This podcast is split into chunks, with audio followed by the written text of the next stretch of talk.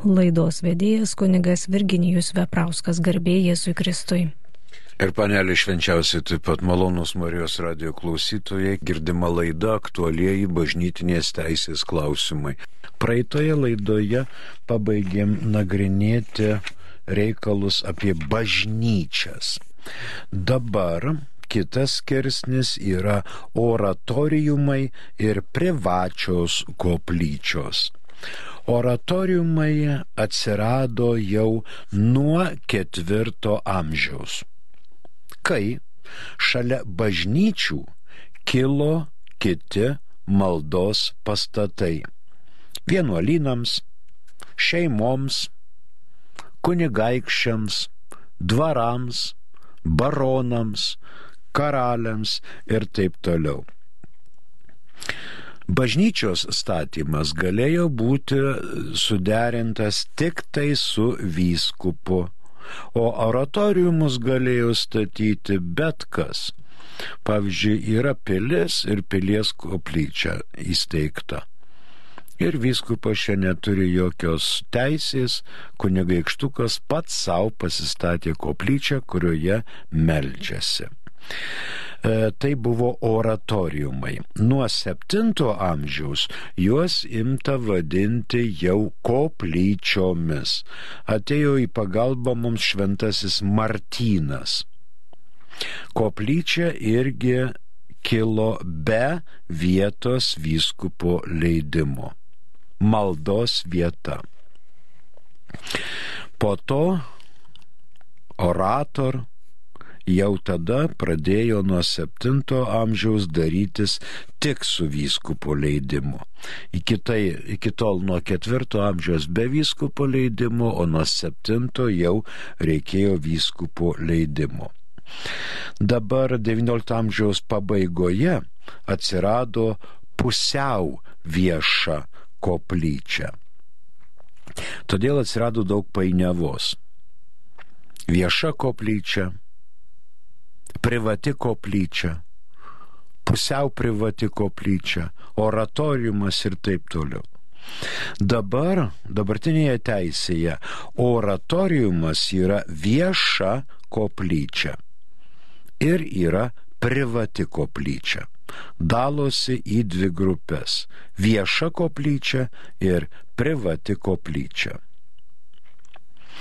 Jei koplyčia yra palaiminta, tai ši koplyčia vadinama šventa vieta.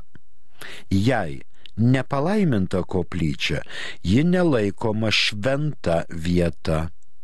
Tačiau ir joje galima vykdyti kultą, dieviškai kultą. Tai tik tai pamaldi vieta. E, pagal 1229 kanoną. Jis ateina mums į pagalbą. Oratoriumas arba vieša koplyčia ir privačios koplyčias tinka palaiminti pagal liturginėse knygose nustatytas apeigas. Tačiau jos privalo būti rezervuotos tik dieviškajam kultui ir nenaudojamos jokiems namų reikalams. Grėblių laikymui, kastuvų laikymui, kombainų, kuliamųjų, akselinių ir visokių kitokių padargų. Namų reikmėms ne. Dabar tokia buvo įžanga į oratoriumus arba viešas koplyčias ir privačias koplyčias. Iš eilės 1223 kanonas.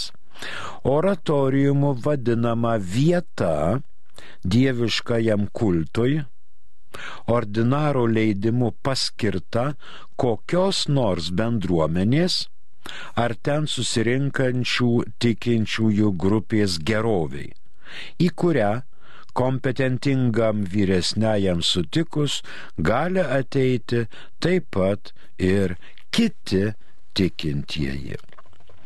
Taip pateikiama viešos koplyčios arba oratoriumo definicija. Mums atneša keletą minčių. Visų pirma, tai yra dieviško kulto vieta. Į bažnyčią ateina visi. Bažnyčios durys atviros visiems. Viešai koplyčiai arba oratoriumai tik tai apibriežti asmenys. Pavyzdžiui, pašvesto gyvenimo ar apaštališko gyvenimo bendrijų nariai. Vienuolynas. Ten yra apibrieštas skaičius. Kam? Betlėjų seserim, Klarisiem, Karmelitiem, kitiem, kurie naudojasi tą privilegiją. Tai specifinės grupės. Antra specifinė grupė, tarkim, yra senelių namų koplyčia. Universiteto koplyčia. Mokyklos, gimnazijos koplyčia, kur mokiniai renkasi. Na ir žinoma kita mintis prie 1223, kad šituos dalykus kam kas kada skelbia ordinaras. Mums ateina į pagalbą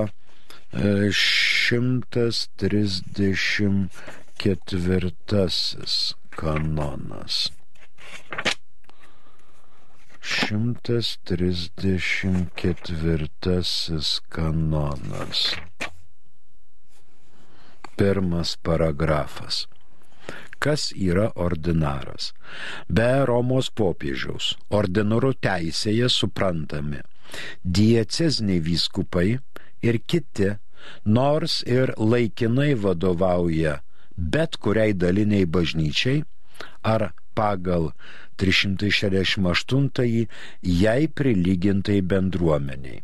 Taip pat tie, kurie juose turi bendrąją ordinarinę vykdomąją galę.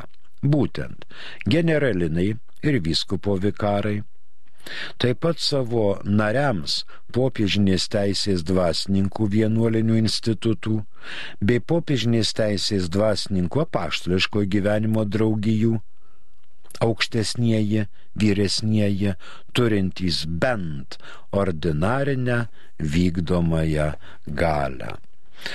Dar galime žvilgtirėti į 37 kanoną. 37.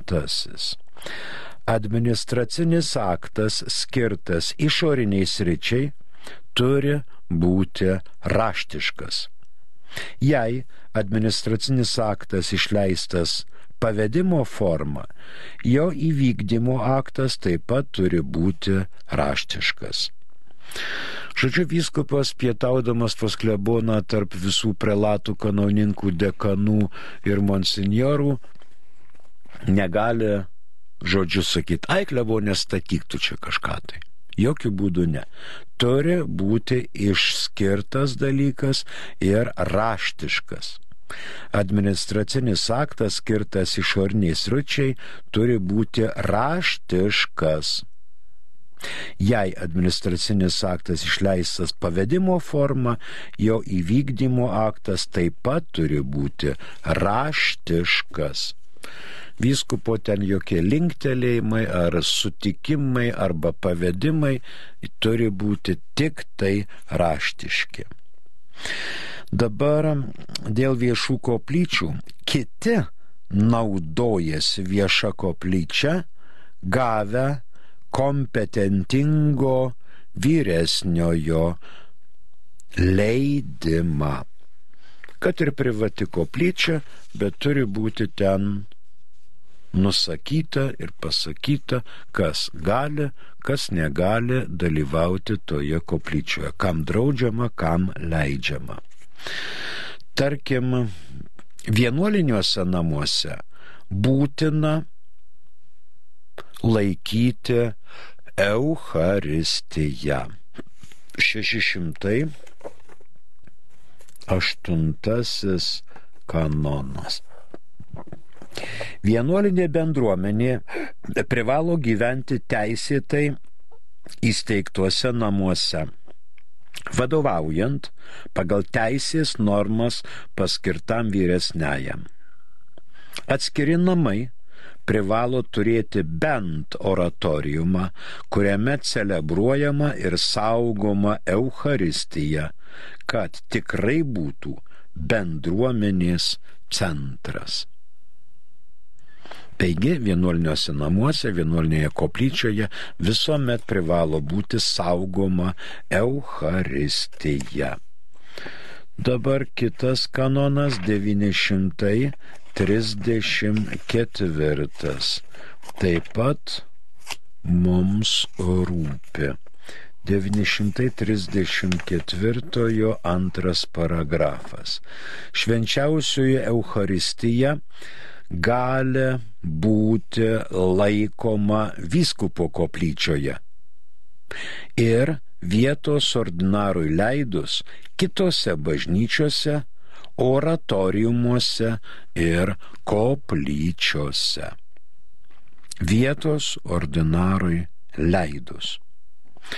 Dabar m, prieš leisdamas vietos ordinaras laikyti Euharistiją rūpinasi, kad būtų pastoviai atnašaujama šventųjų mišių auka.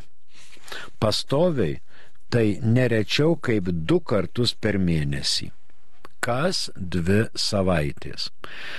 Vienuolinis oratoriumas arba vieša koplyčia arba privati koplyčia kur nors įsteigta, ten privalo būti kas dvi savaitės atnašaujama šventų mišių auka. Jeigu savininkas neužtikrina šventųjų mišių kas dvi savaitės, tokiam oratoriumui vyskupas leidimo neduoda. Pavyzdžiui, yra kitokios, e, kitokio pobūdžio koplyčios. Keliaujantiems laivu, kareivinėse kareivių reikmėm koplyčios, rekolekcijų dalyviams ir taip toliau. 1917 m. kanonų teisės kodekse reglamentavo tai 1188 kanonas antrasis paragrafas. Vyskupas turintis valdymo galę tai bendruomeniai gali įsteigti oratoriumą arba viešą koplyčią. 608 girdėjom, dabar galime pasiskaityti 733 kanoną antrąjį paragrafą. Sutikimas steigti namus kartu suteikia teisę turėti bent oratoriumą kuriame turi būti celebruojama ir saugoma švenčiausioji Euharistija.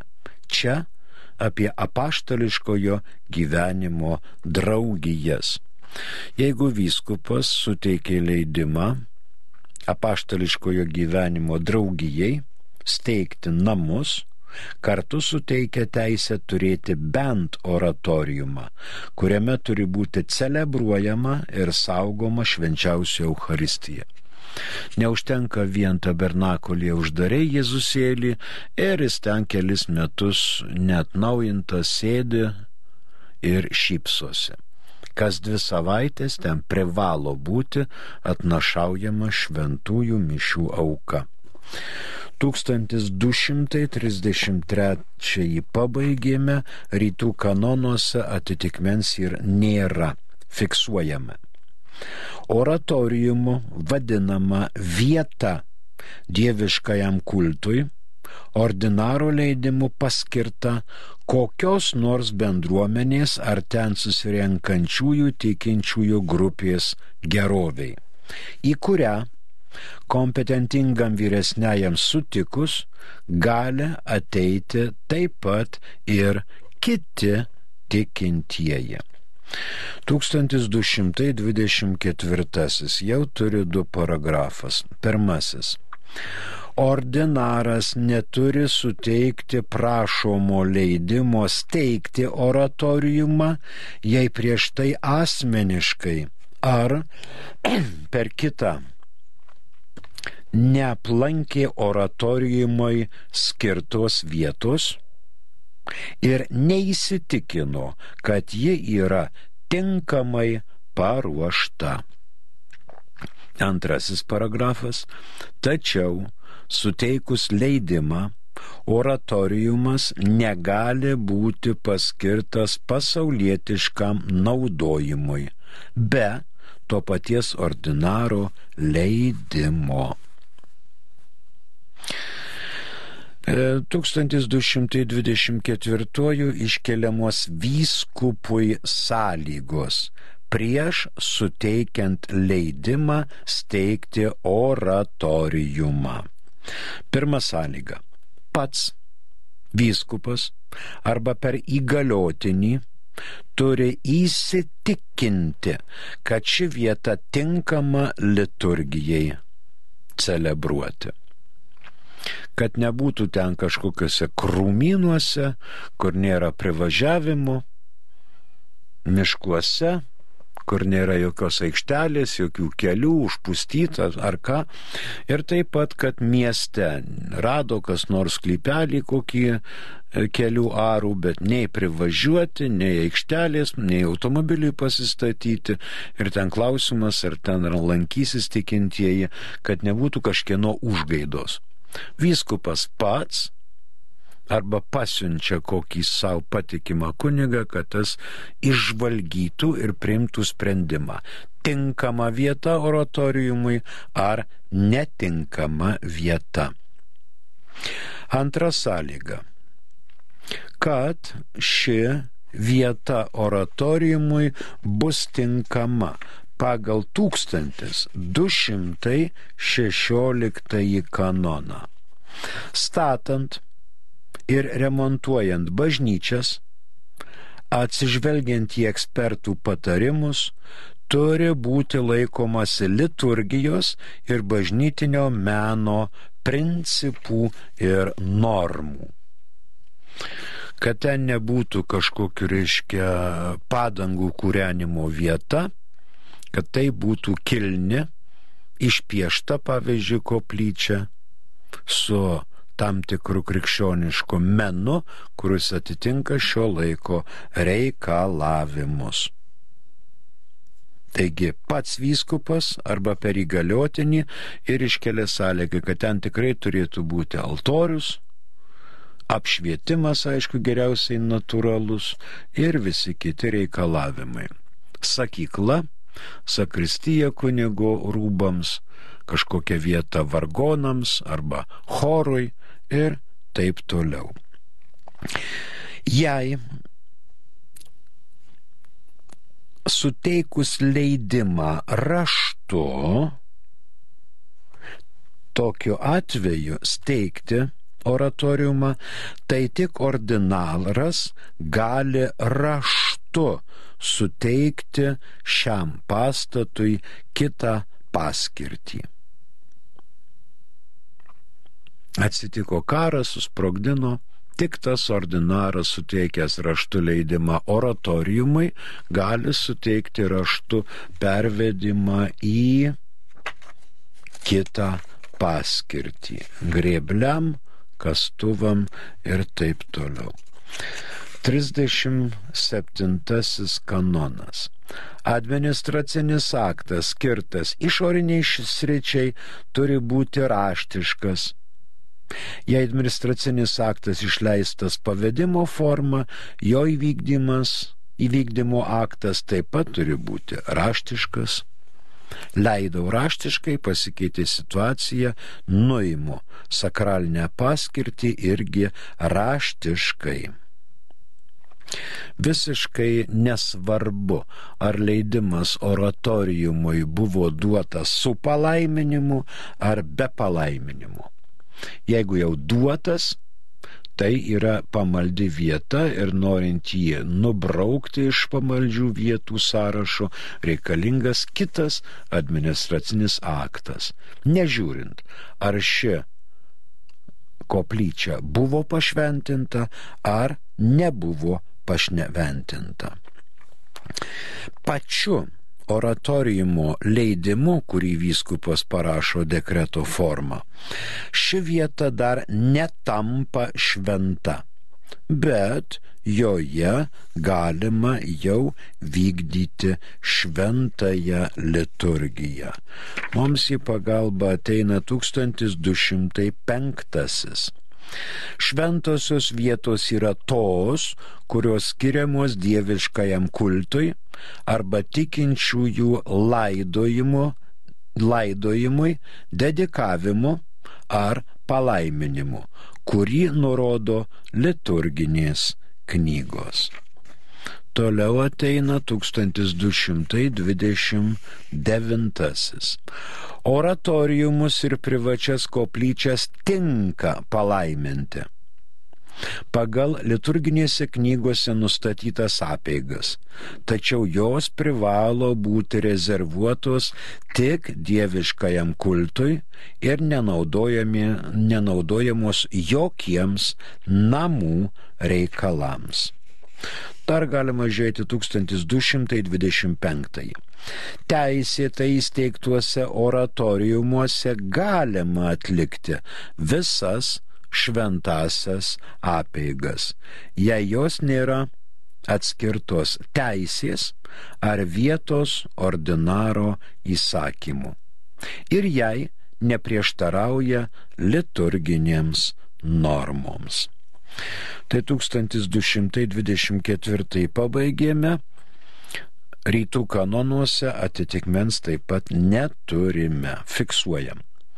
Ordinaras neturi suteikti prašomo leidimo steigti oratoriumą, jei prieš tai asmeniškai ar per kitą neaplankė oratoriumų skirtos vietos ir neįsitikino, kad ji yra tinkamai paruošta. Antrasis. Tačiau suteikus leidimą, oratoriumas negali būti paskirtas pasaulietiškam naudojimui be to paties ordinaro leidimo.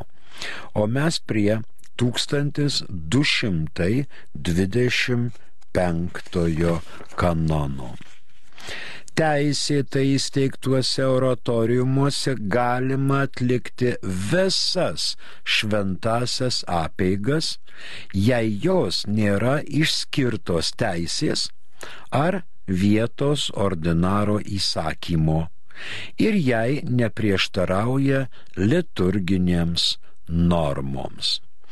Čia toks pat beveik kaip ir 1917 m. kanonų teisės kodekse 1193. Skirtas pusiau viešoms koplyčioms. Viešose koplyčiose galima vykdyti liturginius veiksmus mums į pagalbą jau ir ateina.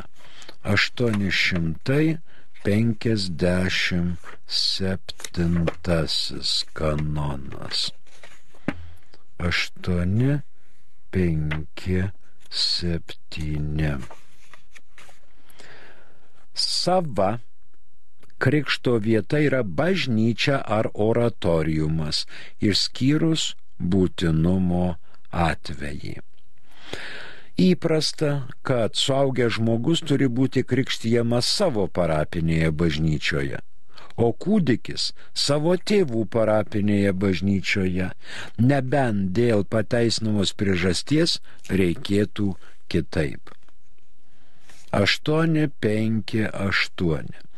Kiekviena parapinė bažnyčia privalo turėti krikštyklą, išsaugant kitų bažnyčių jau įgytą kumulacinę teisę. Antras, vietos ordinaras išklausęs vietos kleboną gali leisti ir nustatyti, kad tikinčiųjų patogumui krikštykla būtų taip pat ir kitoje parapijos teritorijoje esančioje bažnyčioje ar oratoriume. Žodžiu, vietos ordinaras gali leisti klebonui krikštyti vaikus nebūtinai bažnyčioje, bet ir kitoje koplyčioje, kuri yra jo manimo tinkama. Kitas 880 pirmasis kanonas taip pat ateina į pagalbą. Sutvirtinimo sakramentą dera celebruoti bažnyčioje ir šventų mišių metu. Tačiau dėl pateisinamos ir protingos priežasties gali būti celebruojamas ne mišių metu ir bet kurioje tinkamoje vietoje. Vėl krikštas oratoriume, sutvirtinimas gali būti irgi oratoriume.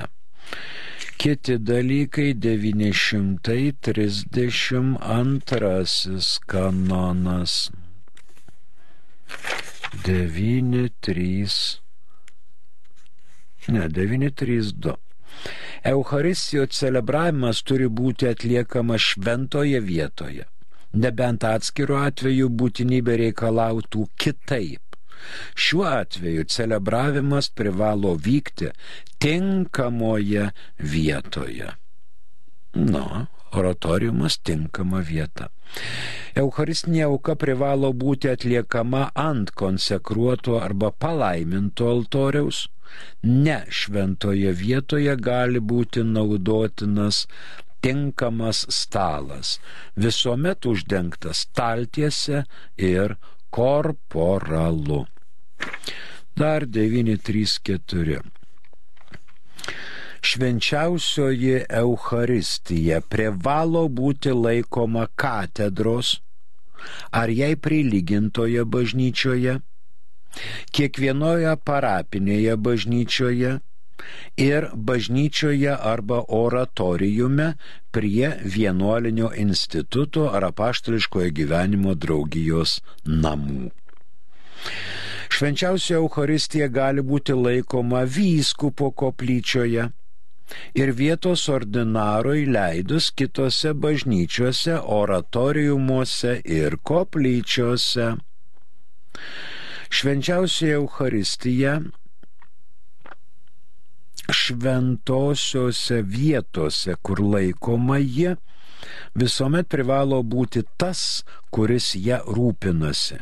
Ir kiek įmanoma kunigas ten turi celebruoti mišes bent du kartus per mėnesį. Mat, kas dvi savaitės maždaug. Dabar kitas tūkstantis vienuoliktasis kanonas. Matau, kad yra atėjusi SMS žinutė. Gal dar šitą vienuoliktą perskaitykime. Paprastai šventimai turi būti teikiami katedros koplyčioje. Tačiau dėl sielovadinių priežasčių gali būti teikiami kitoje bažnyčioje ar oratorijume. Į šventimus turi būti pakviesti dvasininkai ir kiti Kristaus tikintieji, kad kuo gausiau dalyvautų celebravime. Tai va šventimai net gali būti irgi nebūtinai katedroj, bet aišku ir kituose bažnyčioje arba oratoriume. Klausykit, čia nauja, nauja koplyčia pas mus, tai išnyko klausimas. Prašom klausiančiojo pakartot klausimą, nes ėmė ir išsitrynė. Gal čia kokia ataka. Kitas mums rūpimas 1118 kanonas. Katalikų arba katalikiškos šalies ir krikštytos nekatalikiškos šalies santuoka gali būti celebruojama parapinėje bažnyčioje Kitoje bažnyčioje ar oratorijume gali būti celebruojama leidus vietos ordinarui ar klebonui. Vietos ordinaras gali leisti santoką celebruoti kitoje tinkamoje vietoje. Katalikiškosios šalies ir nekrikštytosios šalies santoka gali būti celebruojama bažnyčioje ar kitoje tinkamoje vietoje. Tai var santoka gali būti koplyčioje. Kitas 1179 kanonas iliustruoja 1225. Na, kur tas mūsų 79? Vienuolių arba paštariškojo gyvenimo draugijų narių laidotuvės jų bažnyčioje ar oratoriume paprastai turi celebruoti vyresnysis. Jei institutas ar arba draugija yra dvasininkų. Kitais atvejais kapelionas. Tai va matot, krikštas, sutvirtinimas, laidotuvės, Euharistija ir panašiai galime oratorijume. Antroji mintis. Principas šitas nėra absoliutus. Gal dar pasižiūrim 964 apie ką jisai 964. Įprasta sakramentinių išpažinčių klausymo vieta yra bažnyčia arba oratoriumas. Normas dėl klausyklų nustato vyskupų konferencija, tačiau užtikrindama, kad visuomet atviroje vietoje būtų nejudamos grotelės tarp penitentų ir nuodėmklausio, turinčios klausyklos, kuriomis laisvai galėtų pasinaudoti to pageidaujantys tikintieji. Išpažintys neturi būti klausomos neklausykloje, nebent dėl pateisinamos priežasties. Va ir išpažintis gali būti oratorijume. Tai jeigu mus girdite, tas, kas pasiuntė esame žinutę, prašau pakartoti ją. O aš primenu, kad girdima laida ketvirtadieniais aktualiai bažnytinės teisės klausimai. Mūsų telefono numeris Kaune 32 3230 Kauno kodas 837. Trumpųjų žinučių telefono numeris yra kitas 865 049 107. Prie 1225 antras principas. Šitas principas, kad turi būti tas, tas, tas ir tas daroma, nėra absoliutus. Ir gali būti ribojama liturginių veiksmų paletė. Visų pirma, ten, kur pavyzdžiui viešoje koplyčioje nelaikoma Euharistija. 900 34. Jau mes skaitėme. Gali būti ribojimai toje koplyčioje atlikti vienus ar kitus e, veiksmus. Tai yra dalinės teisės ribojimai. Irgi varžo bet ką atlikti oratoriume arba viešoje koplyčioje. Dar vienas dalykas - vietos ordinaras gali suteikti nuorodas, ko negalima, arba kam galima, arba kam negalima vykdyti oratoriume tam tikrus liturginius veiksmus.